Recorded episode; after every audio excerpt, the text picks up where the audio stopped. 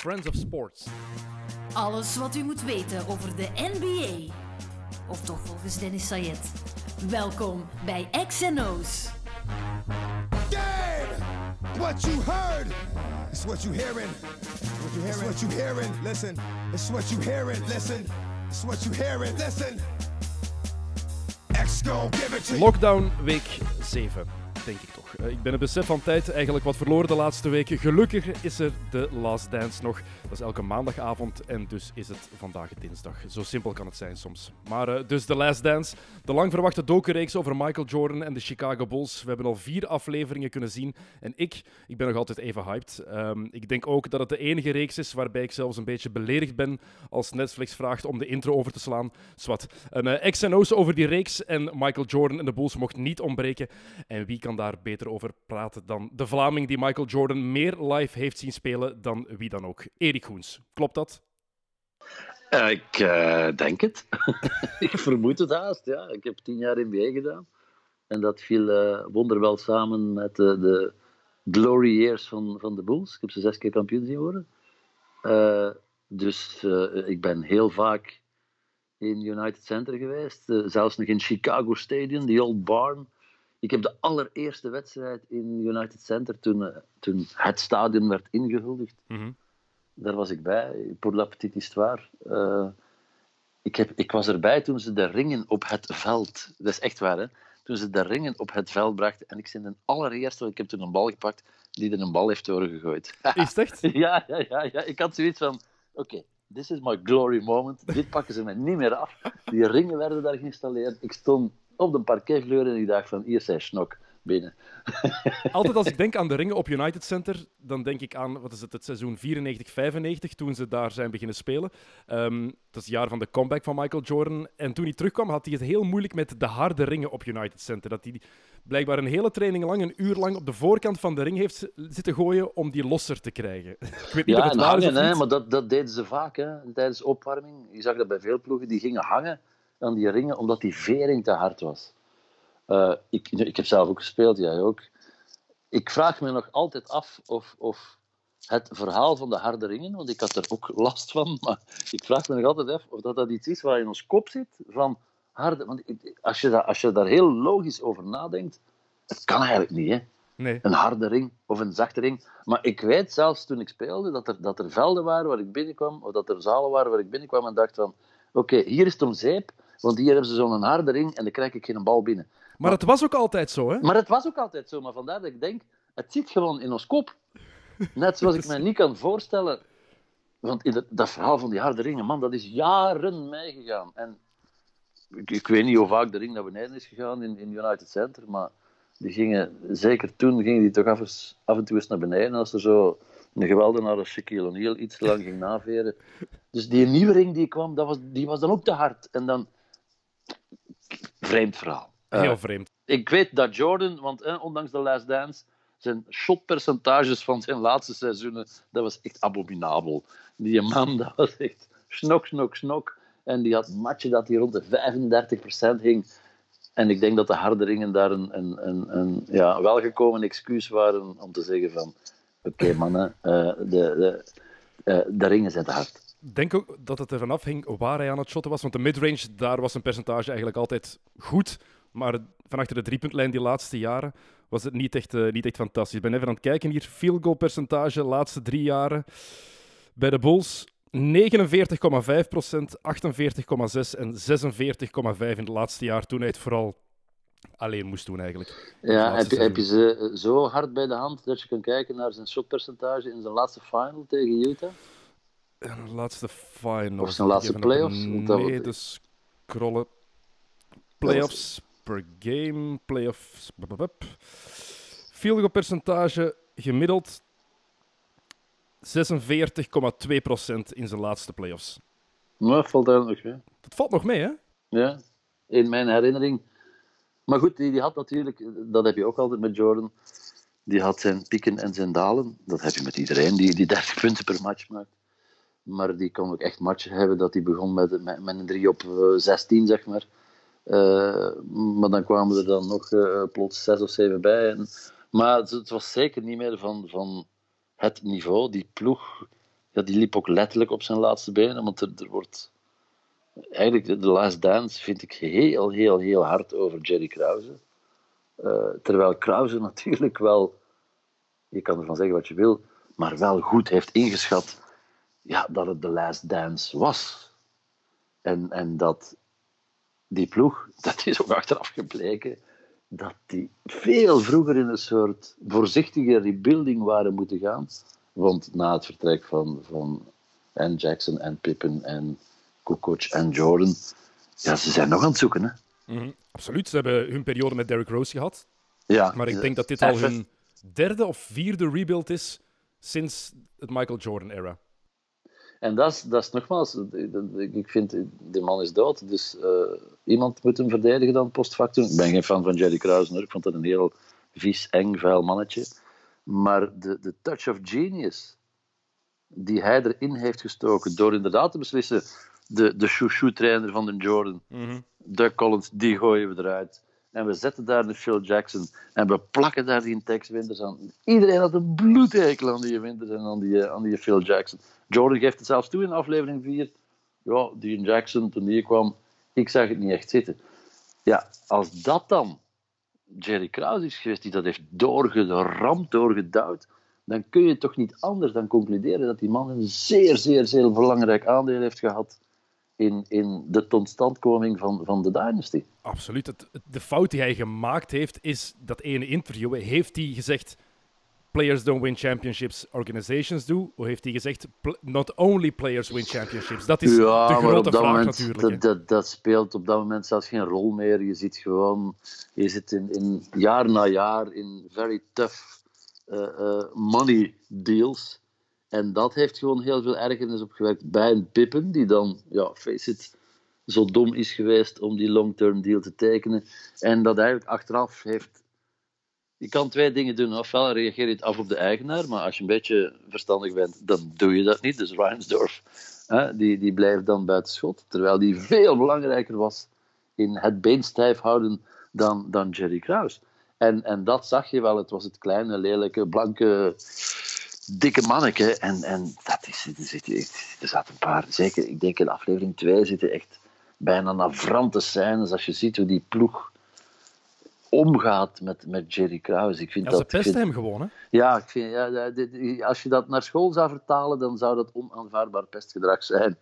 Uh, en, en dat vind ik heel veel ondank voor, voor wat die man daar toch heeft gerealiseerd. Absoluut, want hij heeft inderdaad een fantastische ploeg gebouwd. Niet vergeten, heeft die tweede ploeg meegebouwd? Het was geen ploeg, hè? dat is het hem net. Dus je hebt natuurlijk het God-given talent van Jordan.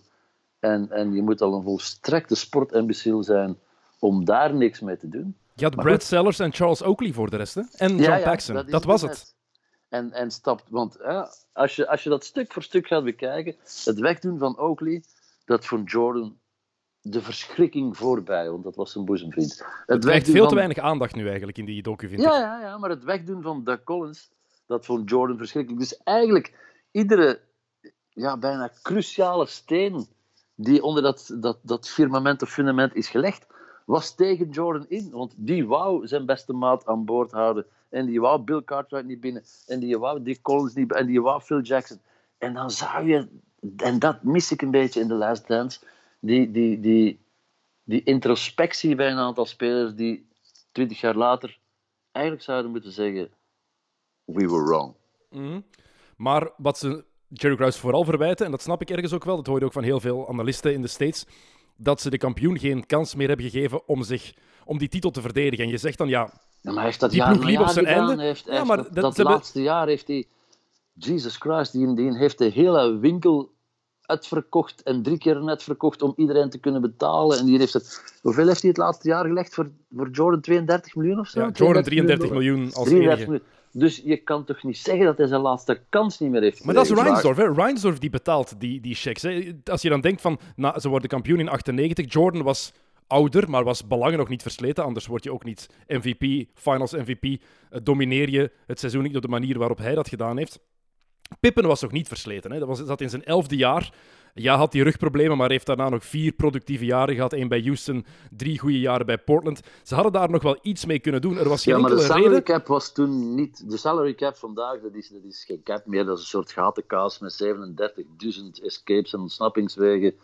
Maar voor Jordan was het wel een uitzondering. Het was in 97, Ja, ja, 98 nee, nee, al. Dus het, jaar daarna kon dat. Het opnieuw gebeuren. Het feit dat je 30 miljoen moest leggen voor Jordan, dat je er eigenlijk 25 miljoen moest leggen voor Pippen, dat je er waarschijnlijk nog 20 moest leggen voor Rodman, dat je er nog 15 moest leggen. En dat was onbetaalbaar. En dan, en dat is, dat is blasfemie, hè, dat is heiligschennis wat ik nu zeg, maar dan begrijp ik het een heel klein beetje dat zo'n Kraus en zo'n Reinsdorf zegt van, ho mannetjes, die zijn vandaag allemaal 35 jaar, persen we er nog eentje uit, in de wetenschap dat we daarna helemaal echt eh, eh, de dieprik ingaan, wat ook gebeurd is. Bedoel, Dat- maar dat ging sowieso als, gebeuren. Als, op, als Krause, dat is niet waar, dat is niet waar. Als Krause op één punt echt iets kan verweten worden, dan is het dat hij te lang heeft gewacht om die ploeg te vernieuwen. Hij had eigenlijk twee, drie jaar voor het afscheid van Jordan had hij moeten zeggen tegen pakweg een Kukoc of tegen een Ron Harper, dure vogels allemaal op dat moment, dat hij moet zeggen, mannen,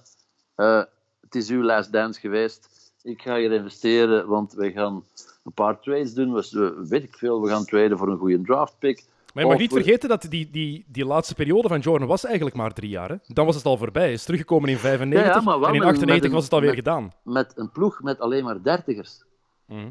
Waardoor niemand de fakkel kon Hey, overnemen. er was een En- interessante trade die ze wilden doen. Hè. Ehm, onder andere de draftpick die Chauncey Billups is geworden. ehm, Tracy McGrady, de rechten daarop. En de rechten voor wat uiteindelijk Paul Pierce zou worden. Dat Die zouden naar Chicago gegaan zijn. Dus uiteindelijk Pierce, Billups en McGrady voor Scottie Pippen. Dat was eigenlijk de trade die op tafel lag. Ook al was Als je, Pierce... dat, als je dat, wel, dat ben ik helemaal vergeten, maar als je dat post factum bekijkt, dan is het met alle respect voor, voor de legacy van een Pippen, en, en hè, laat het vooral duidelijk zijn, maar als je Pierce en Billups en McGrady kan krijgen voor Scottie Pippen, dan ben je een complete oen, als je kijkt naar de toekomst van je, van je franchise, dat je dat op dat moment niet doet. Niemand wist toen natuurlijk wat, wat McGrady zou worden. Dat was nog een groot vraagteken, want Nee, high school goed, kids, maar je weet guards wel toen... dat Pier- je, je, hebt, je hebt eigenlijk drie kansen. Hè? Als, je één op, als je één op één gaat treden, dan is het à la casino all in. En dan weet je van, woeps, als het hier fout gaat. Hè? Als, je, als je een soort Sam Bowie deal doet, dan, dan ben je gecharreld voor het leven. Maar Het, als waren je ook, er, het was als ook de pick die hebt, Paul Pierce zou worden. Hè. Dus ze hadden, voor hetzelfde geld hadden ze daar Robert Trailer gekozen. Om maar een naam te zeggen. Dus ze hadden het ook kunnen verpesten. Of Michael Olowokandi.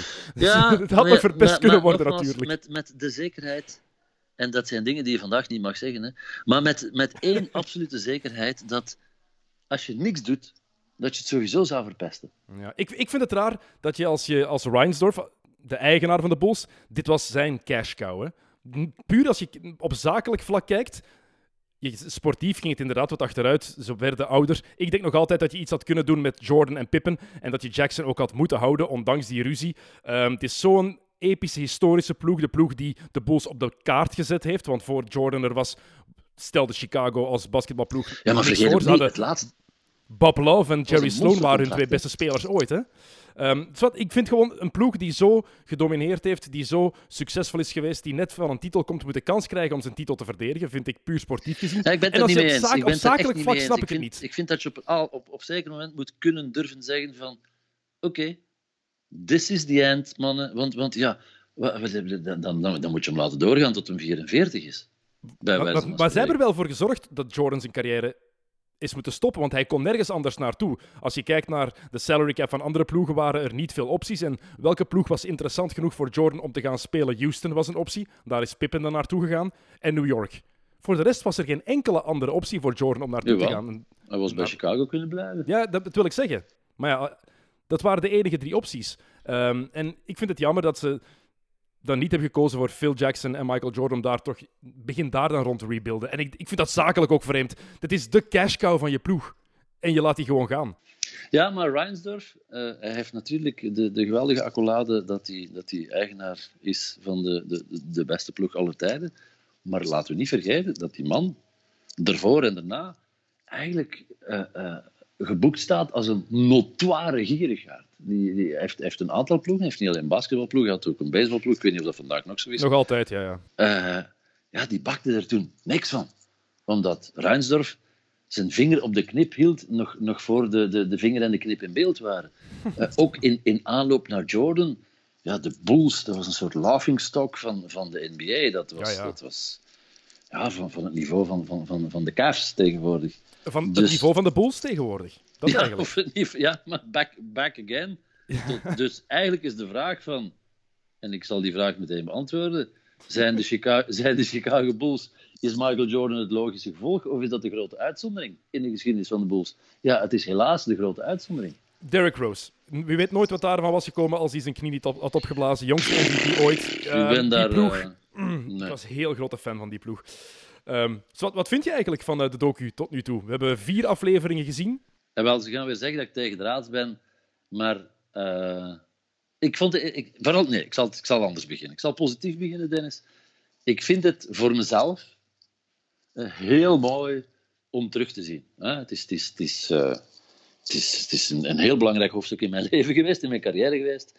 En, en post factum, weet je, het is heel moeilijk om, als je erin zit, te beseffen van dit is, dit is history in the making. En je, kunt je kan het twintig keren zeggen, maar goed, het is pas achteraf dat je ziet hoe groot zo'n periode is geweest. Dus ik vind het, vind het geweldig om dat terug te zien. Maar wat me echt wel tegenvalt, is dat het een soort, als je het, als je het in boekentermen zou gaan vertalen, het is geen boek, maar het is een kleurboek. Het zijn een aantal plaatjes met heel weinig diepgang, met heel weinig insight. En dat valt mij echt tegen. Ik had er minder last van in die eerste twee afleveringen. Maar ik zie aflevering 3 en aflevering 4, het is bijna een soort play-by-play. De matchjes opnieuw, terug dezelfde opmerkingetjes van toen.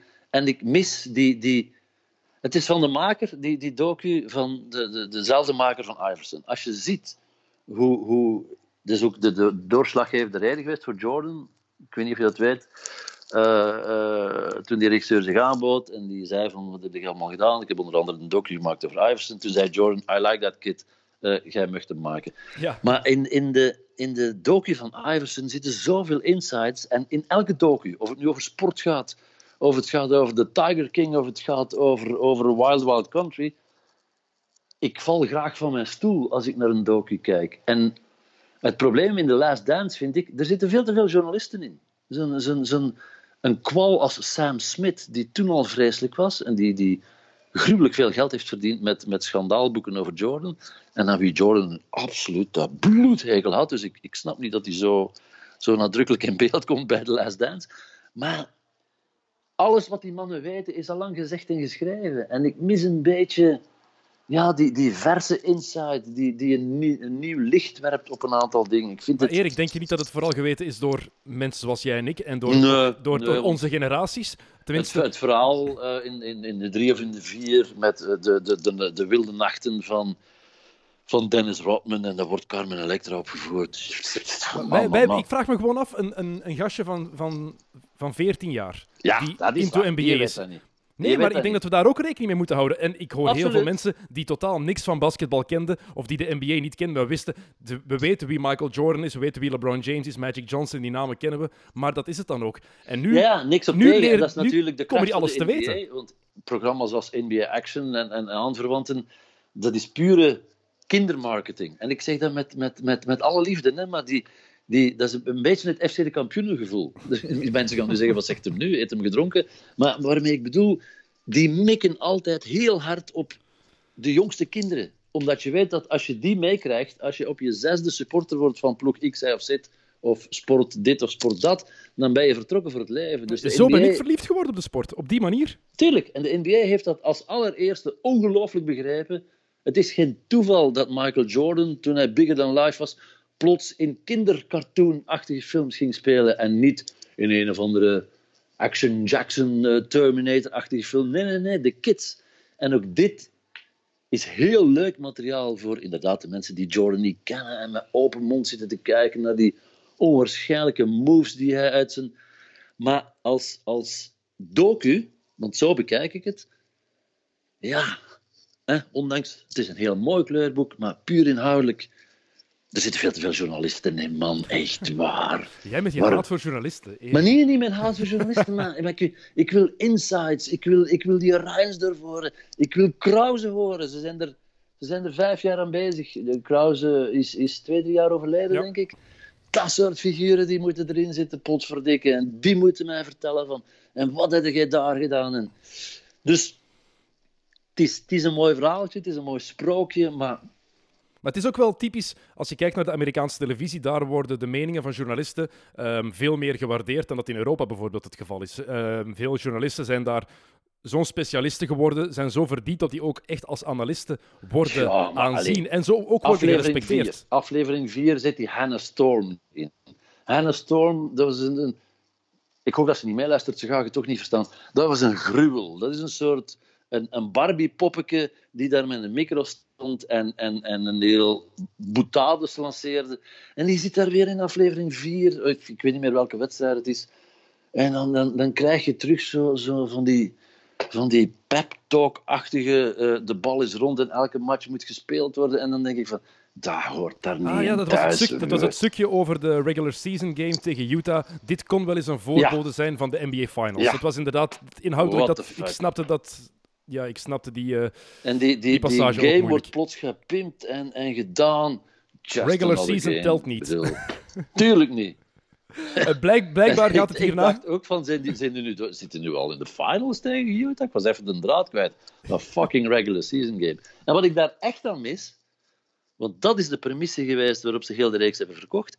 Ik heb die ploegen ook heel vaak uh, uh, zien lopen, ontmoet en, en in actie gezien. Maar The Last Dance, ik wacht nog altijd op de ultieme insight van The Last Dance. Vooral de laatste, drie afleveringen blijkbaar. Afleveringen 8, 9 en 10. Ja, Daarin zouden we het meeste is, uh... achter de schermen gaan. Maar ik, ik snap wat je daarmee wil zeggen. Maar ik denk dat het gewoon belangrijk is voor het, voor het grote publiek om dat eerst te kaderen. Om alles echt eerst duidelijk te maken. Dit is waarom die ploeg zo'n zo'n zo'n hype was, waarom het eigenlijk al een mythe was terwijl die mannen nog aan het spelen waren. Ik denk dat het daarom ook belangrijk is, want we zijn nu vier afleveringen ver. We hebben nog niks slechts over Michael Jordan gehoord of gezien eigenlijk. Behalve dat hij af en toe een lul kan zijn tegen zijn ploegmaats.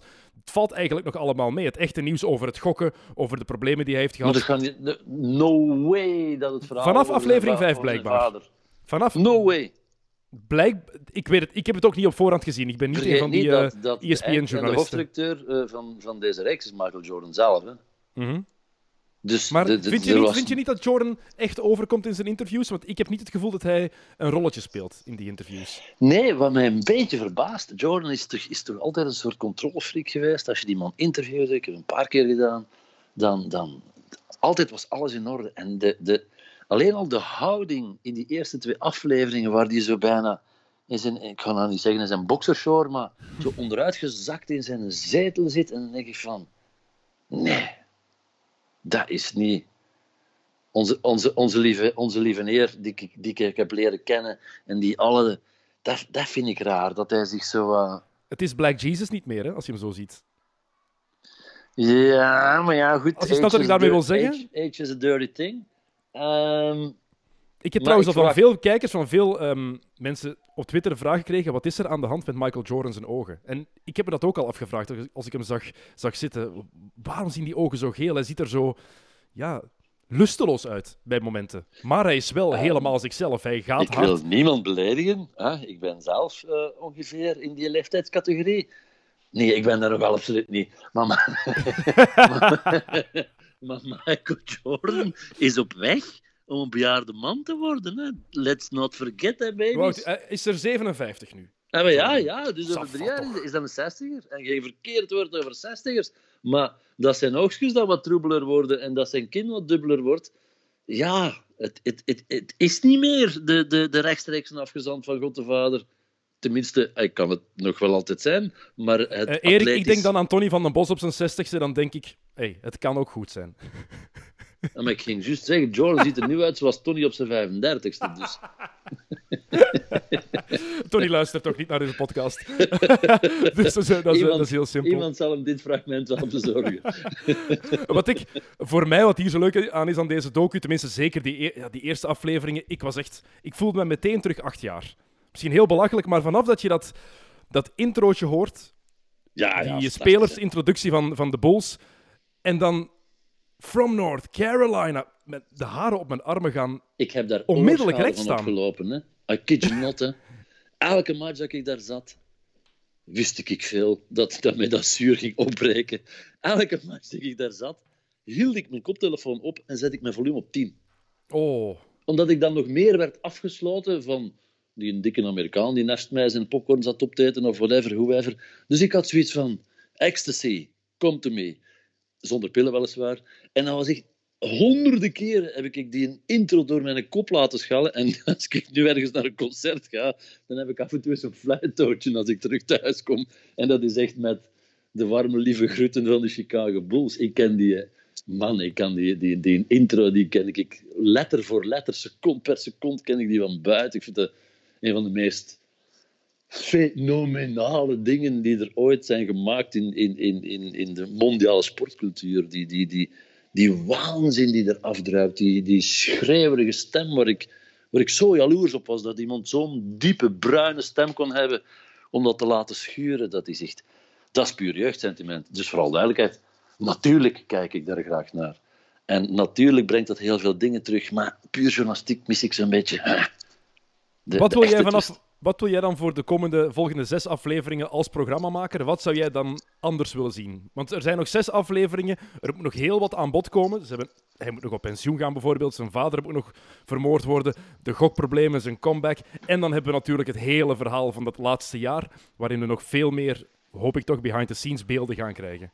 Ik ben een beetje bang dat eh, heel veel verhalen zullen blijven verteld worden door de journalisten. Wezen het of ze nu van de Chicago Tribune zijn of, of, of van ESPN. Of... En, en laten we over, over één ding eens zijn. Hè? Ik ben er zelf een. Maar weet ik zal eens een geheim vertellen, Dennis. Journalisten weten eigenlijk nooit echt wat er aan de hand is. Wij vermoeden van alles. En van dat vermoeden creëren we op den duur een soort realiteit die, als we maar genoeg herhalen, op den duur als een soort werkelijkheid wordt aanvaard. Maar God knows dat dat onze werkelijkheid blijft. En ik wil weten van de mannen behind the scenes. Wat ik bijvoorbeeld heel vreemd vind, iemand die altijd een zeer uitgesproken mening had binnen die Bulls en die zich ook durfde afzetten tegen Michael Jordan, was iemand als Luke Longley.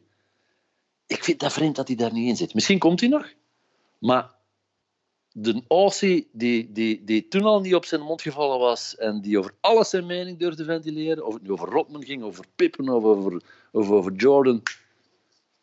Ik wil Luke Longley horen. Ik hoop nog altijd dat er een moment komt dat ze plots in aflevering 4, 5, 6, nee 4 niet meer, want die heb ik al gezien, maar dat in Jerry Krause daar plots komt opduiken om te zeggen van, "Eh, wel mannen, ik, zal- ik zal dat nou eens vertellen hoe dat zit. zeg." Ja, ze hebben dat oude interview gebruikt hè, van 2003, of wat was het? Ik denk dat dat de Iemand als enige... David Volk, de, de Uber-agent, die, die zoveel wheels en deals heeft gemaakt. Maar ik vraag me af of zo'n figuren ooit zullen praten. Ik bedoel, dat zijn, dat zijn allemaal in diepste gedachten een soort Monseigneur van Geluwes, maar dan zonder de seksuele connotaties erbij, voor alle duidelijkheid. Maar die, die, die zullen sterven.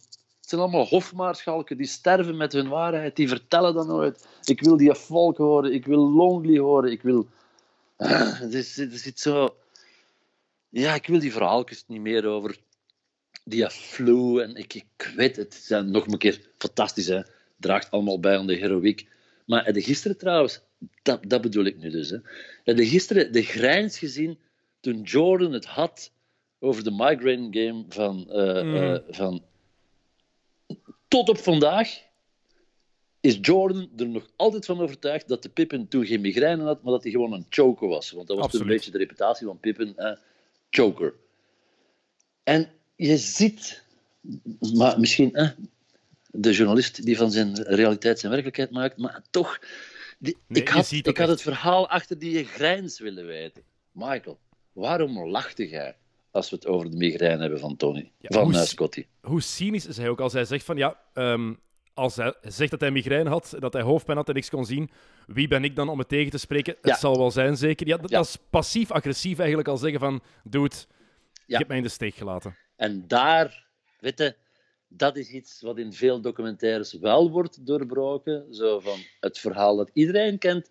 Maar mannetjes, nu gaan we eens de echte schel er bovenop leggen. Zie. En dan, dan dabberde uit uw zetel en denkt van miljarden zeg, het zat zo in elkaar. En, en dat gevoel heb ik nog niet gehad bij de Last Dance. Mm, ja.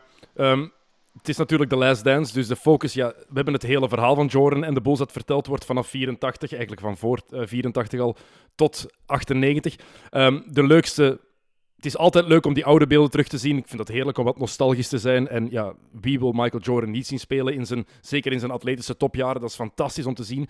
Um, nu, die battle met, de, met de, de Bad Boys was ook fantastisch. Ja. Maar als je denkt aan die eerste afleveringen, die eerste twee, ik vond het fantastisch, misschien wel het leukste om die beelden te zien van in Parijs bijvoorbeeld. Dat hij daar staat te wachten, dat hij geprikt wordt voor die, um, die televisieuitzending. Ik ben daar toen niet naartoe geweest. Ik had er een uitnodiging voor. En als ik het nu terugzie, ik zie daar mijn Waalse collega zitten op de eerste rij. Toen dacht ik van, damn, goed schat, had er toch naartoe geweest, dan had je nu in de Last Dance gezeten. Ja, maar Pierre van der Smissen is inderdaad vol in beeld gekomen. Ja, misschien komt het nog dat ik ergens in aflevering 5, 6, 7 of 8, weet ik veel toch eens met mijn linkeroor door beeld mag lopen. Eh, jij was, als jij als een van de enige Michael Jordan mocht interviewen in een van de jaren waarin hij niet met de pers praatte. Ja, ja, maar dat was het hem. Daar mocht geen andere camera bij. Ik weet niet, ik heb jou dat verhaal eens verteld, maar ik zal het toch even vertellen voor de luisteraar.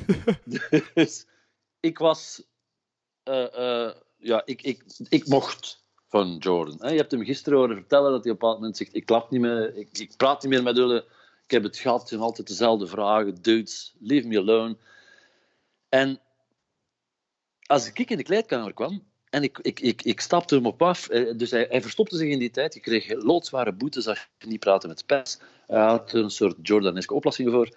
Uh, hij, officieel weigerde hij geen gesprekken, maar hij zette gewoon zijn koptelefoon op. Dus dan kon hij in de kleedkamer, zijn headset stond op 10 en uh, mocht je vragen stellen zoveel, zoveel dat je wou. Hij hoorde het toch niet. Niemand durfde, durfde een klacht indienen van ja, maar de mic wil niet met mij klappen.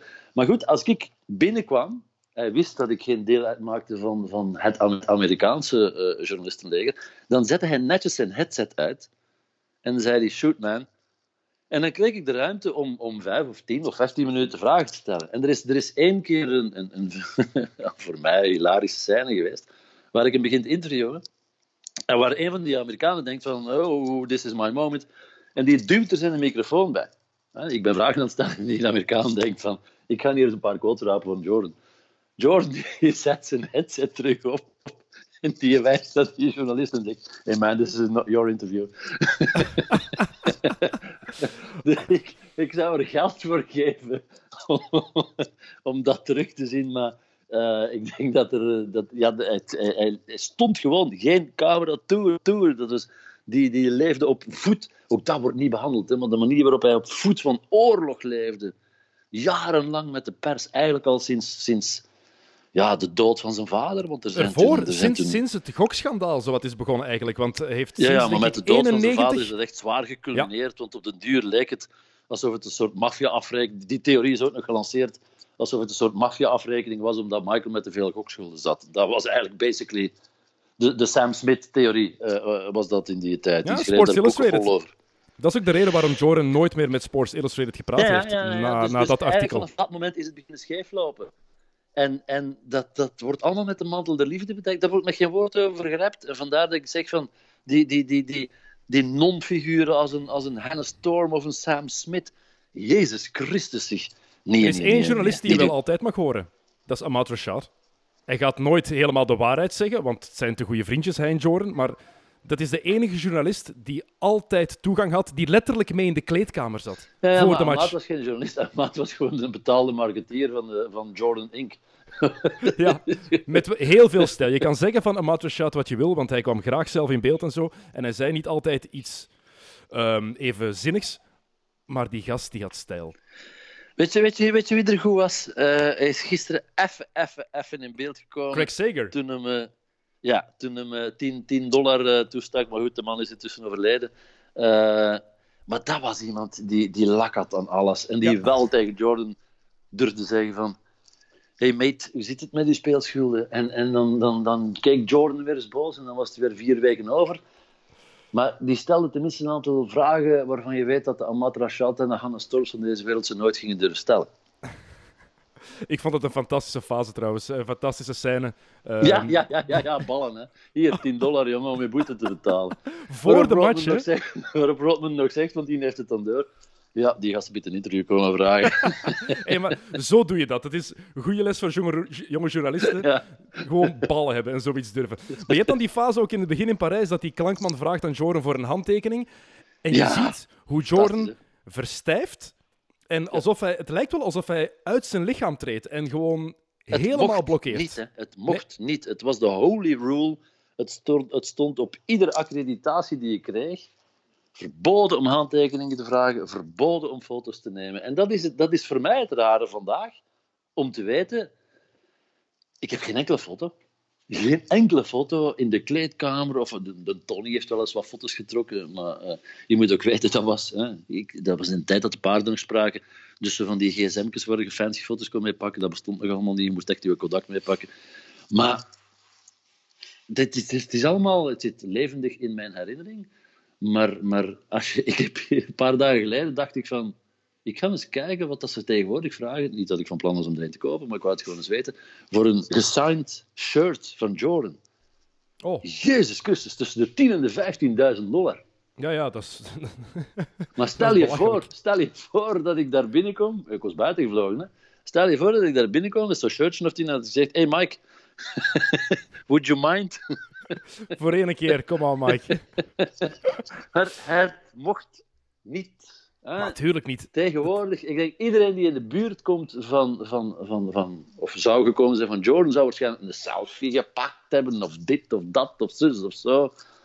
Eh it's all gone, want het mocht niet. En inderdaad, die Fransoos die daar die micro stak, die dacht van, halleluja, this is my moment. Dat heeft niet lang geduurd. Nee, het heeft helemaal niet lang geduurd. Ehm, wat, wel, wat ik wel leuk vind om te zien, ehm, en dat merk je aan heel wat tweets van jonge NBA-spelers, bijvoorbeeld Trey Young, die tweette gisteren.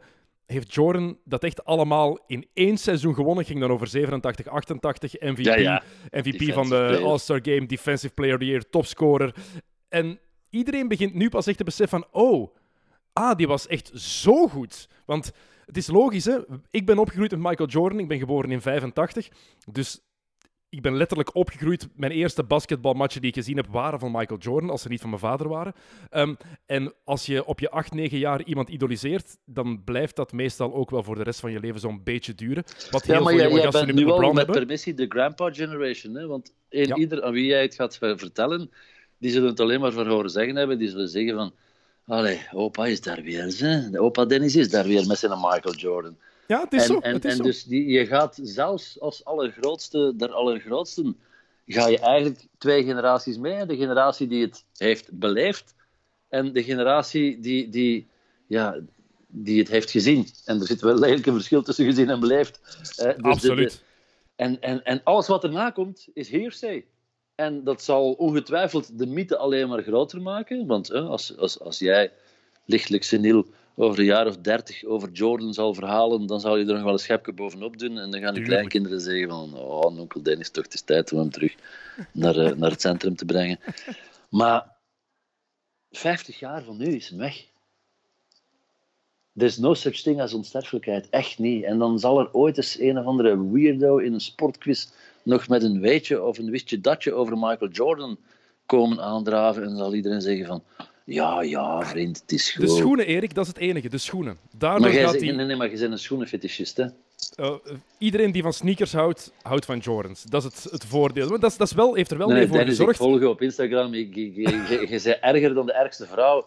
Volgens Oh, ik schaam me daar ook niet. Ik schaam me er echt totaal niet 250 paar sneakers staan. Allee, get voor. Eh, alive. nee, ik heb, ik, ik heb 30 paar Jordans, denk ik.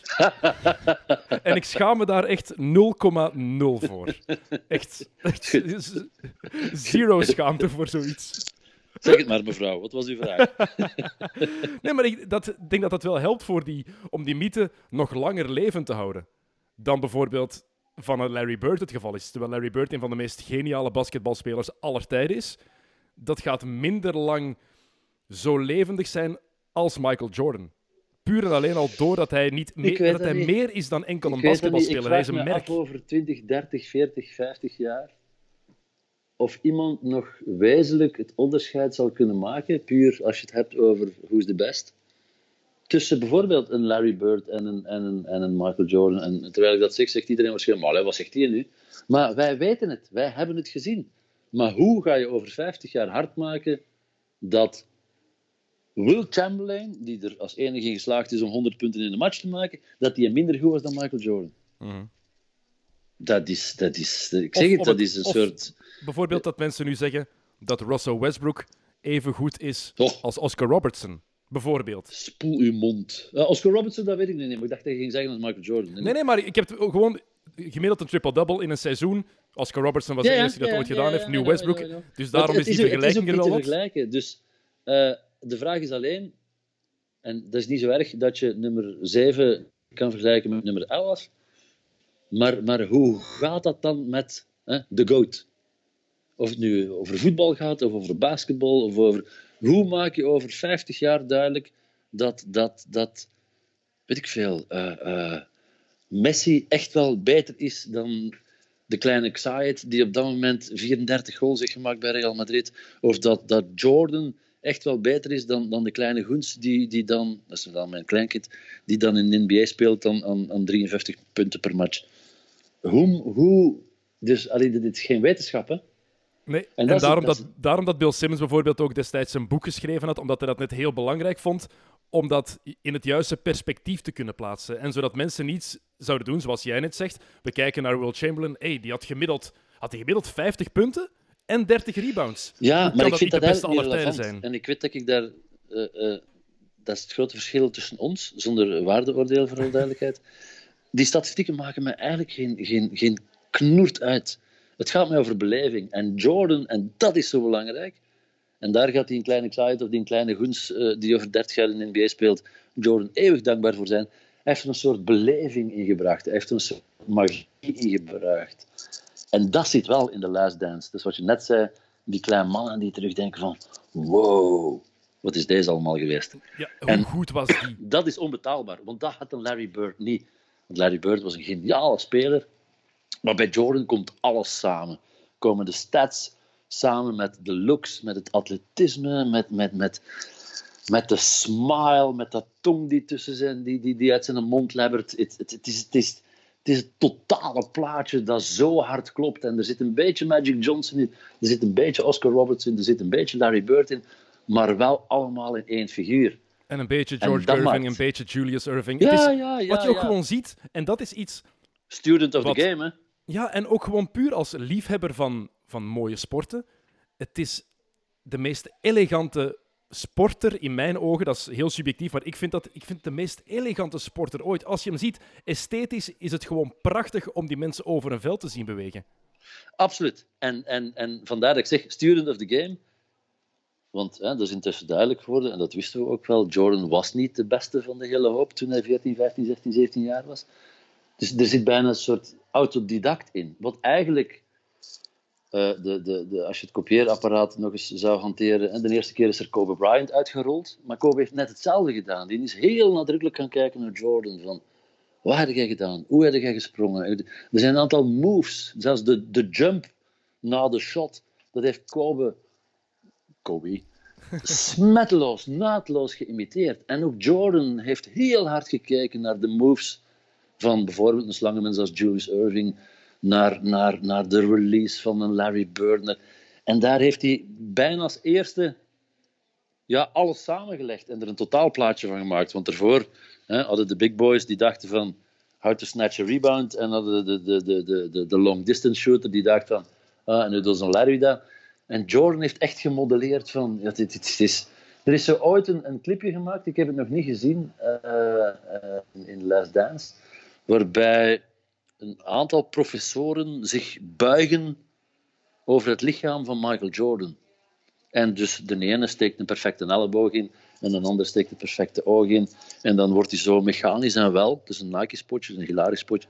Dan wordt hij wakker en dan staat hij recht en dan blijkt het gewoon Michael Jordan te zijn als zijnde de, de, de perfect man. Maar daar, daar zit heel veel waarheid in. Want er zijn, misschien zou er ik denk dat het enige wat je zou kunnen veranderen aan Jordan is dat je zegt, we leggen er 6 centimeter bij. Maar voor de rest niks.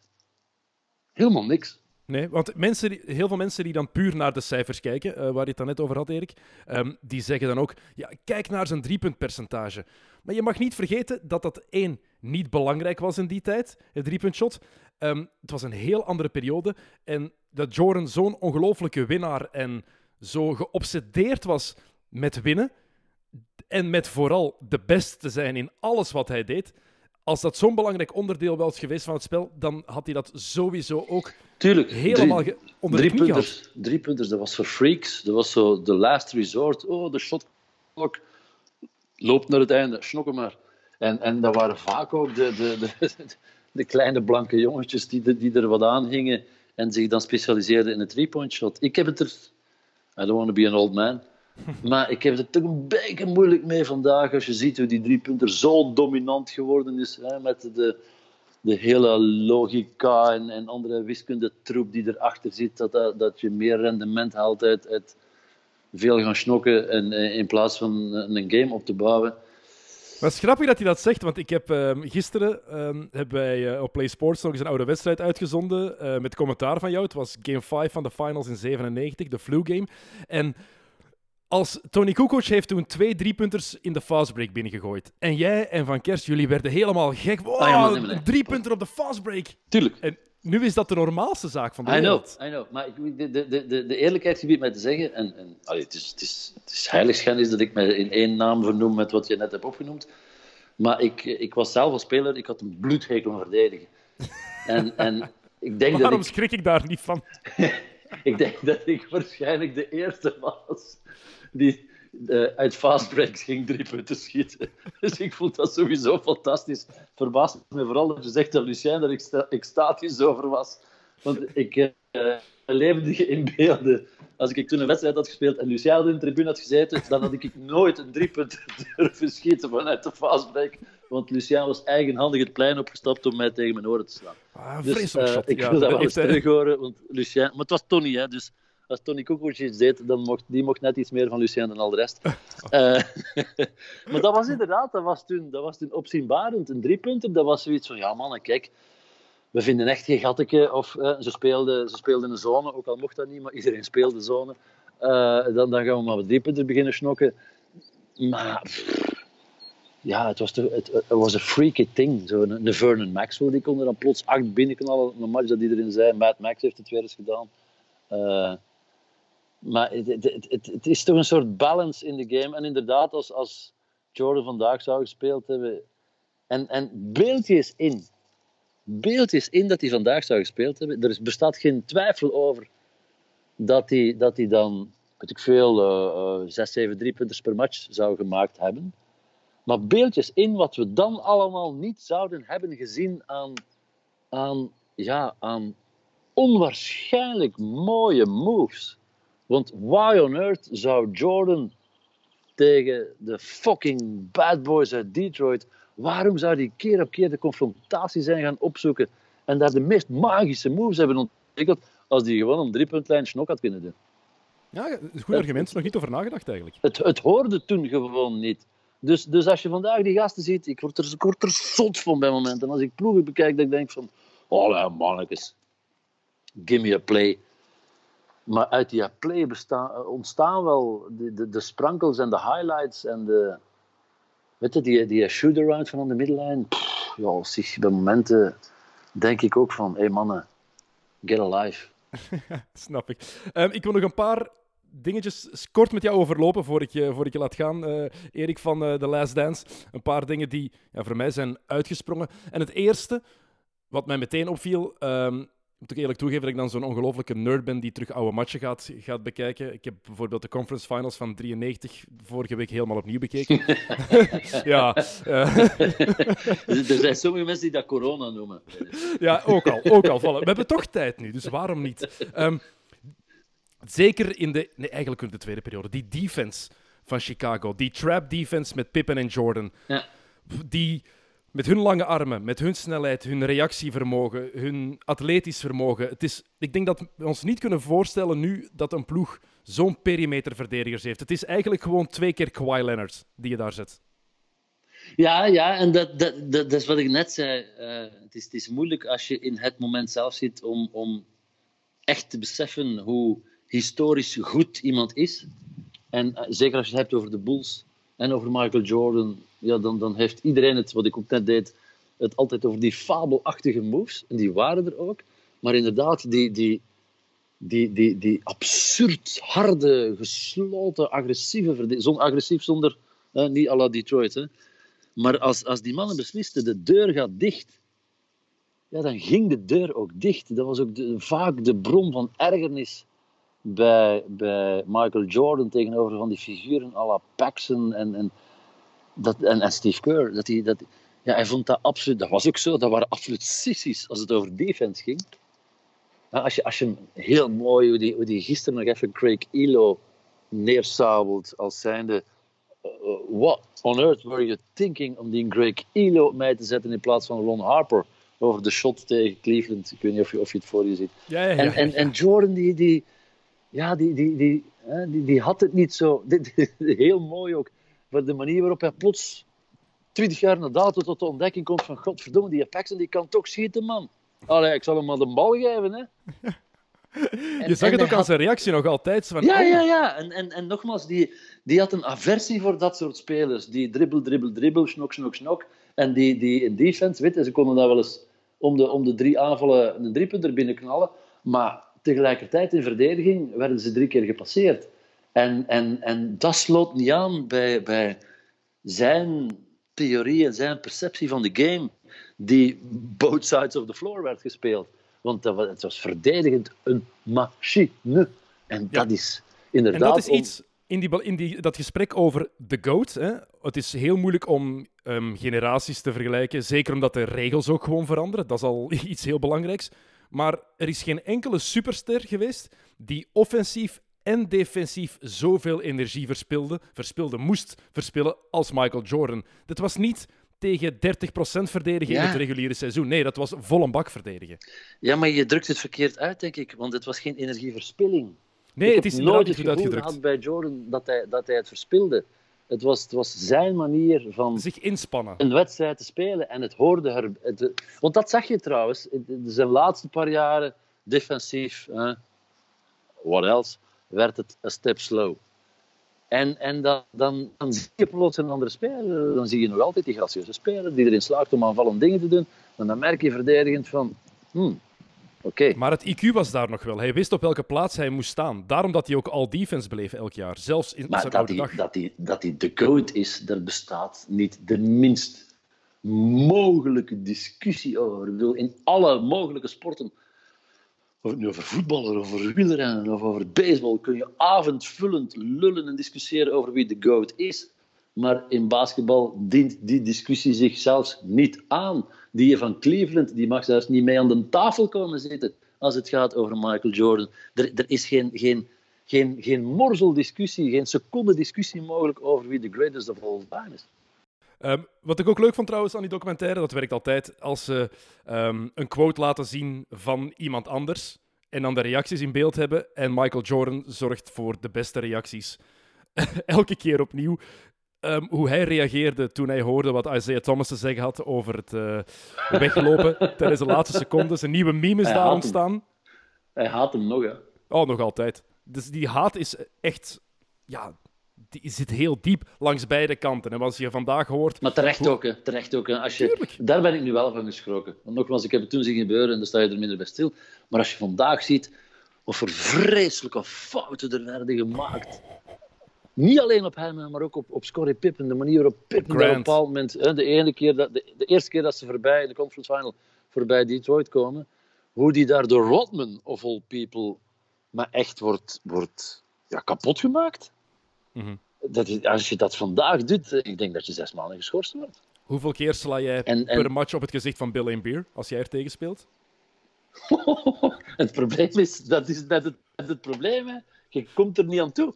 Dat die, lijn- die lijnbier, die, die is al vier keer een snok op je kast gegeven voordat je denkt van ik kan terugslaan. Dat is echt, dat, is, dat had ook niks met Als je die gasten ziet, die, dat, dat is toch geen basketballer die daar loopt, die Bill Lijnbier. En nogthans was hij wel goed. Want laten we dat ja, even duidelijk toch- maken, want we praten over de bad boys als die vetzakken met vuile fouten, wat ook zo was. Maar dat was een heel goede ploeg. hè. Back-to-back champs, daarna 4-0 eruit tegen de Bulls als titelverdediger. Ja, was er- een ploeg die alles kon... Ja, maar ze konden wel... Als je puur naar het, hun basketbal keek, konden groot spelen, konden klein spelen met die drie, drie Nee, nee, guards, no Thomas, love, Dumars, Aguirre. Detroit, eh, Dennis. Nee, Zelfs niet, maar eh, objectief 20, 30 gezien-. Nee, nee, nee, stop het. Stop het, echt waar. No love for Detroit. Echt niet. Ben de beste man. Dat is... Vond jij het laf toen ze weggewandeld zijn eh, in 91? Oh want, nee, dat eh, vind ik nu nog grappig. want Isaiah Thomas die haalt dan dat voorbeeld aan van de Celtics in 88. Ja, maar dat maakt Ehm, niet uit. Alsof ze op dat moment zeggen: Weet je wat, we zullen doen zoals de vorige keer en we zullen ook. Maar nee, jij, die zijn zo pissed off, die zijn zo in een eer geraakt dat die denken: van fuck off, van mij krijg je geen hand. En die moeten daar geen voorgeschiedenis of geen postfactum uitleg bij verzinnen. Dat is gewoon de absolute ontgoocheling van het moment.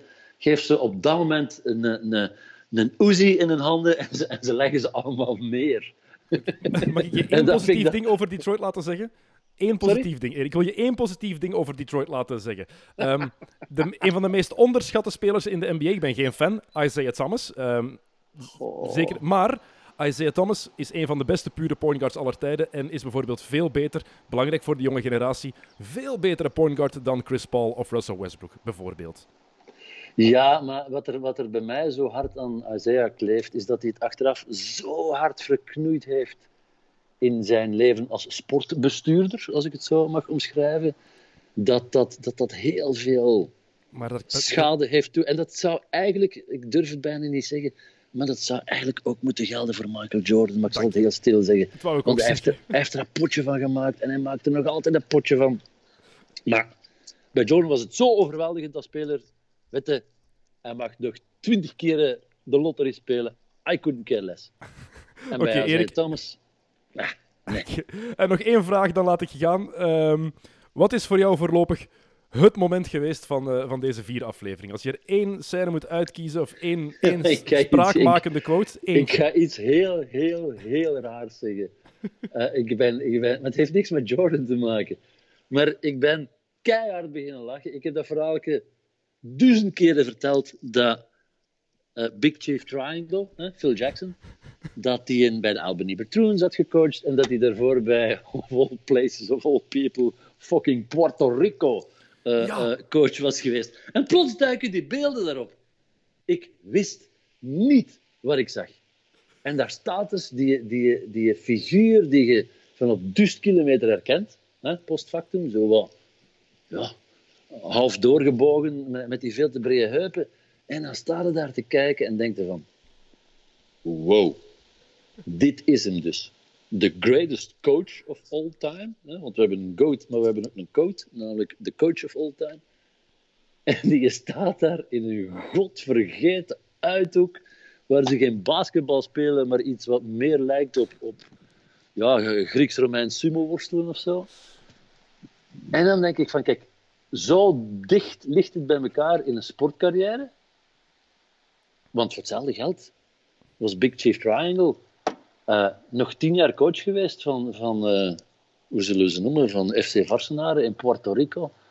En dat vind, dat vind ik nu echt, die, dat soort dingetjes. Daarvoor kijk ik naar een docu en denk ik van, yes, this is it. Ja, die beelden van Puerto Rico had ik ook nog nooit gezien. Dat is Nee, heerlijk. dat was Van, van de CBA, die kende ik. Van bij de Ja, ja, ik al die van die oude. Jordan-video's wel eens gezien.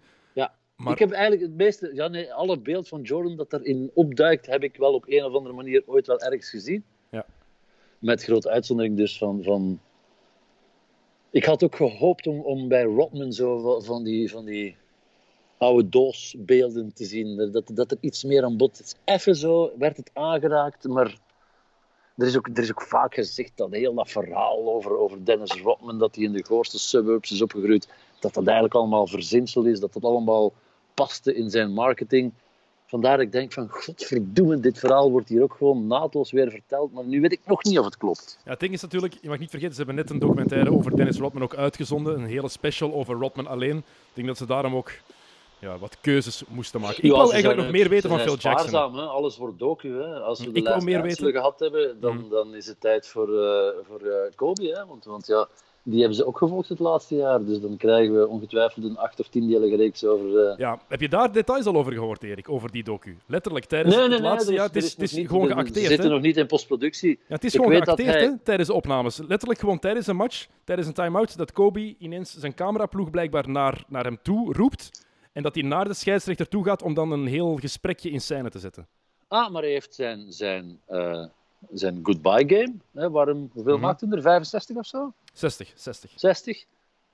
Speciaal voor die match had hij acht cameraploegen opgevorderd. ja, dan weten we wel voor wie dat kan spelen zijt. hè. en Dat, is- dat, is- dat, is bijna, dat, is bijna, dat is bijna zoals je eigen Ronde van Vlaanderen rijden. ja, ja, ja, maar wel alleen, hè. In de zekerheid dat je hem gaat... Want he did not share the ball that game, hè. Eh, 50 shots. Hey, dat is echt, je kan zeggen wat je wil. ehm, dat is de meest Kobe-manier om te eindigen. Hè? 60 punten, Absoluut, absoluut. 50 shots. Ja, kom. Nee, Ideaal. nee, maar het is ook heel erg Kobe om achteraf te horen, nu dus, dat die acht cameraploegen had opgevorderd om, die, om zijn match te filmen. Oh, dus, en hij, hij, hè, het is, het is, het is, het is, het is- ja, iedereen weet het dat hij zich spiegelde aan Jordan, dus hij zal ook waarschijnlijk even tegen de MJ hebben gezegd van, eh, hey grandpa, die movie, hoe heb je dat gedaan? En, en op dezelfde manier heeft Bryant eigenlijk de, de, de hele regie van de film naar zich toe geëigend. En ik, ik las ergens dat hij kort voor zijn, voor zijn overlijden, dat hij nog door een aantal rushes en, en, en montages was gegaan. Maar goed, het is aan zijn weduwe eh, om te beslissen eh, of en wanneer die er komt. En die of zal wel geen probleem zijn, maar die wanneer, dat, eh, dat kan nog wel een jaar of twee duren. Dat gaat nog wel even duren, denk ik. Nog, en nog één ding dat ik je wil zeggen trouwens. Ik heb één ding geleerd uit deze docu voorlopig, wat ik niet wist. Dat iedereen, wij noemen hem altijd MJ, dat iedereen hem MJ noemt. Met de nadruk op de J. Nee, dat is me niet opgevallen. Ik weet in, in, in de, in de prehistoriedagen, hè, toen mensen nog niet wisten hoe ze letters moesten uitspreken, toen had ik het, ik denk dat het eerste jaar was, had ik het voortdurend over MG. De, klas, de klassieke fout. De klassieke Ja. fout. Maar hebt goed, dat bijgeleerd, heb, Erik. dat heb ik eh, vrij snel recht gezet. Dus laat dat dan niet de laatste vraag zijn, Dennis. Het is een beetje een lullige manier om het af te ronden. We hebben het over The Last Dance en ik begin over MG. Dan denk je zo, oei, oei, oei, oei, oei, oei. Eh, je Als hebt- je nog je- je eentje hebt je wilt, genoeg ik heb ooit de, daarna. fina- de finale gedaan tussen de Phoenix Suns en eh, de Chicago Bulls. 93. De eerste ja. die ik ooit gezien heb. Dat, is Ja, echt, dat is- vind ik heel straf. De Ik eerste die jij ooit gedaan verhaal hebt. over vertellen, Dennis. Er bestond nog geen internet, er waren nog geen gidsen, er was niks. Dus ik, ik, ik had er zelfs het raden naar eh, hoe iemand heette. Ja, ik kon wel op iemands shirt zien wat zijn familienaam was, maar wat dan zijn voornaam was, I didn't have a clue. Dus ik zit die match eh, te becommentariëren en er loopt een tweet rond. Johnson, Kevin Johnson, intussen wel bekend en beroemd. Maar eh, ik wist niet op dat moment dat er bij de Phoenix Suns twee Johnsons speelden. Namelijk een Kevin Johnson en een Frank Johnson. En die Frank Johnson, dat was zo echt zo'n beetje loose end, eh, eh, twaalfde man. Dus die mocht dan twee minuten meedoen. En ik heb Kevin Johnson de hele match Frank Johnson genoemd. Tot dus in minuut 46 hij plots wordt vervangen door de andere Johnson. En die komt het plein opgehuppeld. En op die zijn shirt staat Frank Johnson. Want ze hadden daar de voornaam bij gezet. F. Johnson. Om het onderscheid te maken met die andere Johnson. Om maar te zeggen, ik heb die mensen de hele match een andere voornaam gegeven. Maar in those days, hey, we still were dinosaurs. And nobody knew. Dus eh, toen mocht dat allemaal nog. Nu zou je gefusilleerd worden op social media. Toen, oh, dat kan je niet vergelijken. Ik denk ook als Dennis Rodman en die Bulls in de tijden van social media hadden geleefd. Er zijn ook een hoop bijnamen die ik zelf verzonnen heb. Hè. Dat is zo grappig om te horen. Zoals? Als, als ik iemand een bijnaam hoor gebruiken, dan weet ik perfect dat die man in zijn jonge jaren naar mijn commentaar luisterde, omdat hij die, omdat hij die bijnaam, Big Chief Triangle, niemand in de NBA noemt Phil Jackson Big Nee. Chief Triangle. Greg Ostergoen, Greg Ostertag, niemand noemde Ostertag Ostergoen. En ik verzon dat gewoon ter plekke. Ik had zoiets van, we gaan die zo noemen, we gaan die zo noemen. Dus als ik vandaag iemand bij mij kijk, eh, eh, ding, eh, ehm, ah, shit, hoe heet hem weer? Robert Dory. Ja. Mr. June. Dat zei jij inderdaad altijd. Ik zeg Juist. continu Mr. June, omdat die, ja, die werd alleen maar wakker als de playoffs kwamen. Maar nergens in, in de Amerikaanse of, of internationale media ga je lezen over Mr. June. Dus, Big Shot Bob. Ja, dat wel. Ja, dat was dan de officiële naam. Zo'n beetje met, met, met wat alliteraties en heel de nest. Eh, dus ik, ik had zelfs nog de vrijheid, niet alleen om af en toe een voornaam te verzinnen, maar ook gewoon om aan de lopende band eh, bijnamen te verzinnen. En, en ja, niemand lag dwars. Commentaar Those geven begin those jaren were the 90. days, zeg. Ho, ho, ho, Goed. En eh, hij ging Erik terug Koens. in zijn rolstoel zitten, boog achterover, deed zijn dikke sokken aan en pakte een warme chocolademelk. Zullen we zo afronden, Dennis? Eh, Tenzij dat je nog... Heb je nog een programma dat je nog eens wil pushen? Wat komt er nog van jou? Want ja, er is, er is nu toch niks te maken. Of ben je toch... ik ga, eh, ik ga eh, Michael Jordan uitnodigen voor het huis. Michael Jordan en Shaquille O'Neal, de eerste Ja, twee en gasten als van je, als je braaf bent, vraag ik u als mystery guest. maar alleen als je mij belooft dat je geen handtekening vraagt. Hè. Ik zou niet durven. dus, nee, handtekeningen vragen, ik heb daar nooit het... Ik snap dat niet. Echt. Ik vind dat een heel vreemd concept, want dan heb je dat en dan, wat doe je er dan mee? Ja. Ja, ik heb, eh, zal ik dan één, één nog, zullen we eindigen met één anekdote slash geheim? Graag. Eh, ik heb in mijn living een gesigneerde bal liggen van Kobe Bryant. Oeh. Eh, meer nog, hij heeft die bal getekend toen hij nog geen match had gespeeld in de NBA en door zijn grote sponsor eh, naar Parijs werd uitgenodigd en daar een soort exhibitiewedstrijd speelde. eh, ik denk met de Lakers zelfs. Maar wij hadden toen een interview. Ik, ik werkte toen voor, hoe heette het toen? Canal Plus, Filmnet, whatever, whoever. En die sponsor, Adidas, die had ons vijf ballen gegeven. En die zei, hier, vijf ballen, sorry, programma. At the Buzzer heette dat programma. Eh, Met George Arundel. ja, ja, ja, ja, heerlijk. Eh, ja, anders moest ik het zelf presenteren en dan mocht ik niet naar het buitenland, dus dat hebben we naar George gedaan. maar dus die sponsor geeft mij vijf ballen eh, en, en die worden ondertekend, of die worden ter plaatse getekend door Kobe Bryant. En dat was om te verloten onder de, de, onder de kijkers. En ik denk dat de misdaad verjaard is, dus ik zal het maar opbiechten. Eh, we hebben die week niet vijf, maar vier ballen verloot. En die vijfde heb ik gehouden. En die ligt nog altijd in mijn living. Dat is terecht. Dat is echt... Ja, sorry, maar Dat is toch een verhaal om te eindigen, Dennis. Hè? Heerlijk, heerlijk, heerlijk. Het is wel echt meer dan terecht, hoor. Erik Koens, bedankt dat je tijd wilde maken in deze eh, tijden van lockdown. Eh, nog heel veel succes daar. En ja, hou je vooral goed bezig, zou ik zeggen. Eh, ik Dus de het groeten over de grote plas als het terug mag beginnen. Als ze terug mag beginnen. Ja, ja, ze zijn erover bezig. Hè. Ja. Ehm, eind juni zou het eh, meest eh, realistische zijn, maar ze willen aan 70 matchen geraken. 70 regular season matchen, want anders moeten ze de tv-zenders terugbetalen. Ja, dat eh, sounds familiar. Nog- Ja, nog niet, nog niet zo dom. Nog niet, nog niet zo dom. Goed, Erik, dikke merci. Ik bedank u voor het luisteren, dames en heren. En eh, binnenkort zijn we terug met eh, wat andere XNO's projectjes die eraan komen. Tot dan.